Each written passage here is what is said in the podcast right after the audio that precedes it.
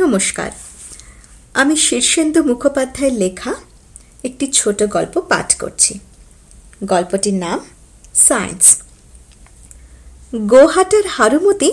রোজ তার ছেলে ফটিককে বলে ওরে ফটিক সায়েন্স না জানলে কিছু হবে না বুঝলি আসল কথাই হলো এই সায়েন্স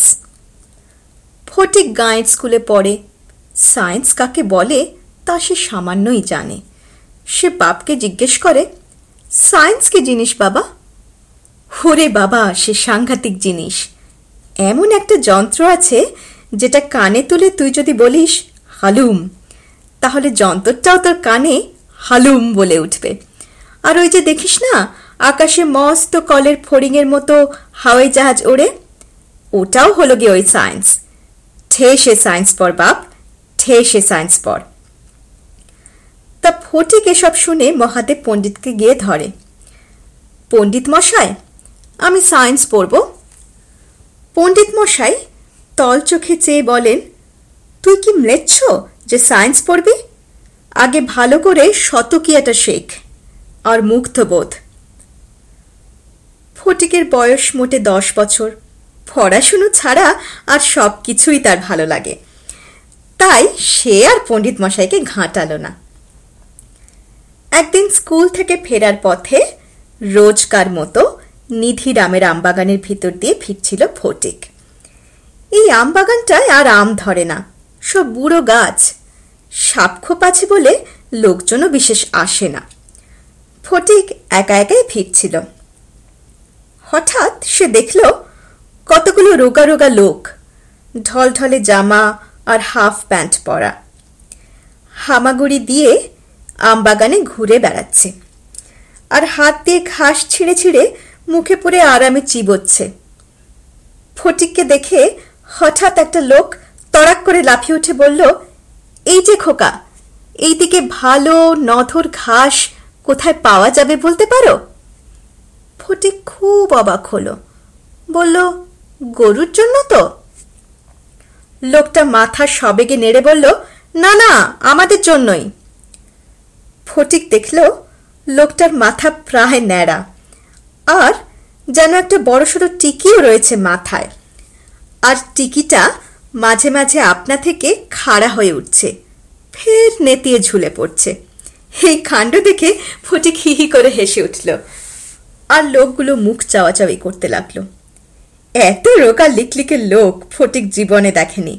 তার উপর ওরকম ঢোলা সব পোশাক আবার জ্যান্ত টিকি লোকটা ফটিকের দিকে চেয়ে বলল তুমি হাসছো আর আমাদের যে বেদে বেজে খিদে পেয়েছে তোমরা কি ঘাস খাও খাই ঘাস খেতে তো পৃথিবীতে আসি এরকম সুন্দর জিনিস আর কোথাও পাওয়া যায় না ভালো ঘাস তুমি সন্তান দিতে পারলে তোমাকে একটা জিনিস দেব ফটিক ঘাস সন্ধান জানে মতিবাবুর পুরনো ইট খোলা দক্ষিণ ধারে ব্রজবাসীর মস্ত খাটাল ছিল খাটাল কবি উঠে গেছে এখন সেখানে বুক সমান ঘাস হয়েছে ফটিক বলল চলো দেখিয়ে দিচ্ছি ব্রজবাসীর খাটালের ঘাসগুলো দেখে লোকগুলোর এত আহ্লাদ হল যে তাদের টিকি সব সঙ্গিনের মতো উঁচুতে উঠে গেল তারা ধিনতা ধিনা করে খানিক্ষণ নেচে ঘাস জমিতে নেমে পড়ল ফটিক দেখলো দেখল লোকগুলো ঘাস ছিঁড়ে খরমর করে করে চিবচ্ছে আর আরামে চোখ পুচে ফেলছে পেট ভরে ঘাস খেয়ে এরা প্রত্যেককে বগলে একটা করে ঘাসের আটি বেঁধে উঠে নিল সেই লোকটা বলল ওই নিধিরামের বাগানের পাশে আমাদের পটলটা আছে চলো আমাদের এগিয়ে দেবে ফটিক মজা দেখতে পিছু পিছু গেল গিয়ে দেখলো সর্বনের মধ্যে বাস্তবিকই একটা পটল দাঁড়িয়ে আছে তবে বিরাট আকৃতি পটল লোকগুলো সেই পটলটার গায়ে একটা দরজা খুলে ভিতরে ঢুকে পড়ল তারপর সেই লোকটা বেরিয়ে ফটিকের হাতে একটা পেন্সিল দিয়ে বলল এই তোমার প্রাইজ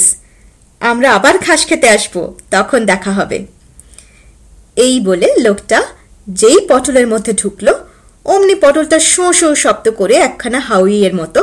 আকাশে উঠে মিলিয়ে গেল পরদিন স্কুলে সে বন্ধুদের কাছে ঘটনাটা বলল তারা কেউ বিশ্বাস করল না তখন ফটিক তাদের পেন্সিলটা দেখে বলল এই দেখ ওরা এটা আমাকে দিয়ে গেছে পেন্সিলটা দেখতে ভারী সুন্দর গোহাটে এরকম পেন্সিল পাওয়া যায় না গোজু নামে একটা গুন্ডা ছেলে ফস করে পেন্সিলটা তার হাত থেকে কেড়ে নিয়ে বলল এ এটা তো আমার আমাকে কলকাতা থেকে মামা এনে দিয়েছে তুই এটা কবে চুরি করেছিলি বলতো কি চোর ছেলে রে বাবা গোজুকে সবাই চেনে এবং ভয় খায় গজু এরকম ভাবে বহু ছেলের পেন্সিল বই লজেন্স মার্বেল কেড়ে নেয় সবই নাকি তাকে তার মামা কলকাতা থেকে এনে দিয়েছে ফটিক মলিন মুখে বলল বারে আমি চুরি করব কেন তারাই যে আমাকে দিয়েছে গজু তার মাথায় একটা রামগাঁটটা মেরে বলল ওসব গাঁজাখুরি গল্প ঢের শুনেছি ফের তর্ক করলে খুশি খাবি গজুর খুশি খুব বিখ্যাত ফটি ফটিকার কিছু বলতে সাহস পেল না তবে তার চোখে জল এসে গেল আশ্চর্যের বিষয় সেদিন গজু পেন্সিলটা দিয়ে খাতায় চমৎকার অঙ্ক কষল একটা অঙ্ক ভুল হলো না শুধু তাই নয়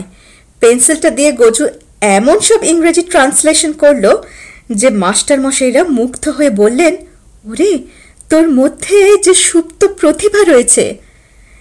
কিন্তু এসব যে পেন্সিলের গুণ তা আর কেউ না বুঝলেও ফটিক ঠিকই বুঝল কিন্তু গোজুর কাছ থেকে পেন্সিলটা উদ্ধারের কোনো উপায় সে মাথা থেকে বার করতে পারল না স্কুলের পর যখন সে বাড়ি ফিরছে তখন গোজু তার পিছু পিছু এসে আমবাগানে তাকে ধরে বলল পেন্সিলের কথা যদি কাউকে বলিস তাহলে ইট মেরে মাথা ফাটিয়ে দেব বুঝলি ফটিক বুঝলো সে আর কি বা করতে পারে মুখ বুঝে থাকা ছাড়া দিন যায় গোজু এখন স্কুলে দারুণ সুনাম অ্যানুয়াল পরীক্ষায় সে ফার্স্ট হয়ে উপরের ক্লাসে উঠেছে আর ফটিক মনের দুঃখে তার কেবল চোখে জল আসে সে কোনো রকমে টেনে মেনে পাশ করেছে অ্যানুয়াল পরীক্ষার ফল বেরিয়েছে সবাই নতুন ক্লাসে উঠেছে সরস্বতী পুজো হয়ে গেল ফটিক একদিন আমবাগান দিয়ে বাড়ি ফিরছে হঠাৎ সামনে সেই লোকটাকে দেখতে পেল সেই রোগা রোগা লিকলিকে চেহারা সেই জান্ত টিকি আর ঢোলা পোশাক এই যে খোকা তোমার মুখখানা অত শুকনো কেন ফটিকে কথায় কেঁদে ফেলল সে বলল তোমরা যে পেন্সিলটা দিয়েছিলে সেটা গজু কেড়ে নিয়ে কত কি করে ফেলল আর আমি কিছুই হইনি হেই কথা বলে লোকটা খুব হাসল ফটিক বলল তোমাদের জন্য ভালো ঘাস জমি রেখে দিয়েছি রানী বাঁধের কাছে বাসপনের ভিতরে যাবে পটলটা আগের জায়গাতেই নেমেছে তার গেট থেকে লিকলিকে আরও কয়েকজন লোক পেরিয়ে এলো লোকটা বলল চলো চলো ঘাস খেতেই তো আমরা পৃথিবীতে আসি ফটিক তাদের নিয়ে ঘাস জমিটা দেখিয়ে দিল আর লোকগুলো আজ ইচ্ছে মতো ঘাস খেয়ে একেবারে আল্লাদে আটখানা হয়ে গেল তারপর সবাই এক আটি করে ঘাস নিয়ে তাদের পটলে ফিরে এলো আর সেই লোকটা ফটিককে পটলের মধ্যে তুলে নিয়ে বলল গজু তোমার পেন্সিল নিয়েছে তো কি হয়েছে আমরা এমন ব্যবস্থা করব যে গোজু তোমার কাছে হেরে ভূত হয়ে যাবে পটলের ভিতরটা দেখে ফটি খাওয়া হয়ে গেল ছাড় থেকে কত সব যন্ত্রপাতি কি দারুণ সব জিনিস একে কি সায়েন্স বলে লোকটা তার মনের কথা বুঝে নিয়ে বলল হ্যাঁ খোকা এই হলো সায়েন্স এই বলে ফটিকের মাথাটা ধরে একটা যন্ত্র দিয়ে ফট করে তার খুঁড়িটা খুলে ফেলল লোকটা ফটিক একটু ব্যথা পেল না লোকটা কিছুক্ষণ নানা যন্ত্রপাতি দিয়ে তার মাথার মধ্যে কি সব করল তারপর খুলিটা ফের খটাস করে বন্ধ করে সেটে দিয়ে বলল যাও এবার গজুকে শিক্ষা দিয়ে দিতে পারবে পটলটা চলে যাওয়ার পর ফটিক হঠাৎ টের পেল তার মগজ এত পরিষ্কার হয়ে গেছে যে আর বলার নয় সে ইচ্ছে করলেই এক কোটি চল্লিশ লক্ষ সাতশো বারোকে কে 2313 দিয়ে মুখে মুখে 1 সেকেন্ডে ভাগ করে দিতে পারে সে সংস্কৃত ভাষায় কথা বলতে পারছে সে সাহেবদের মতো ইংরেজি বলতে পারছে ব্যাকরণের গোটা বইখানা তার চোখের সামনে নাচছে পরদিন স্কুলে ফের হইচই পড়ে গেল ফটিকের অঙ্ক কষা ট্রান্সলেশন করা দেখে মাস্টার মশাইরা মুগ্ধ তারা বারবার বলতে লাগলেন না এই যে দেখছি গোজুকেও হার মানাবে হারমান তো গোজুর আর বিশেষ বাকি ছিল না কারণ তার পেন্সিল ক্ষয় হয়ে হয়ে এতটুকু হয়ে গেছে আর বেশি দিন চলবে না গোজু ভাবলো ফটিক পথে আরেকটা পেন্সিল জোগাড় করে তার উপর টেক্কা দিচ্ছে সুতরাং গোজু ওত পেতে রইল আর স্কুলের পর আমবাগানে গিয়ে ফটিককে ধললো। এই তো পেন্সিলটা দে তো কেন দেব ফের মুখে মুখে কথা বলে গজু ফটিককে পেলা একটা ঘুষি মারল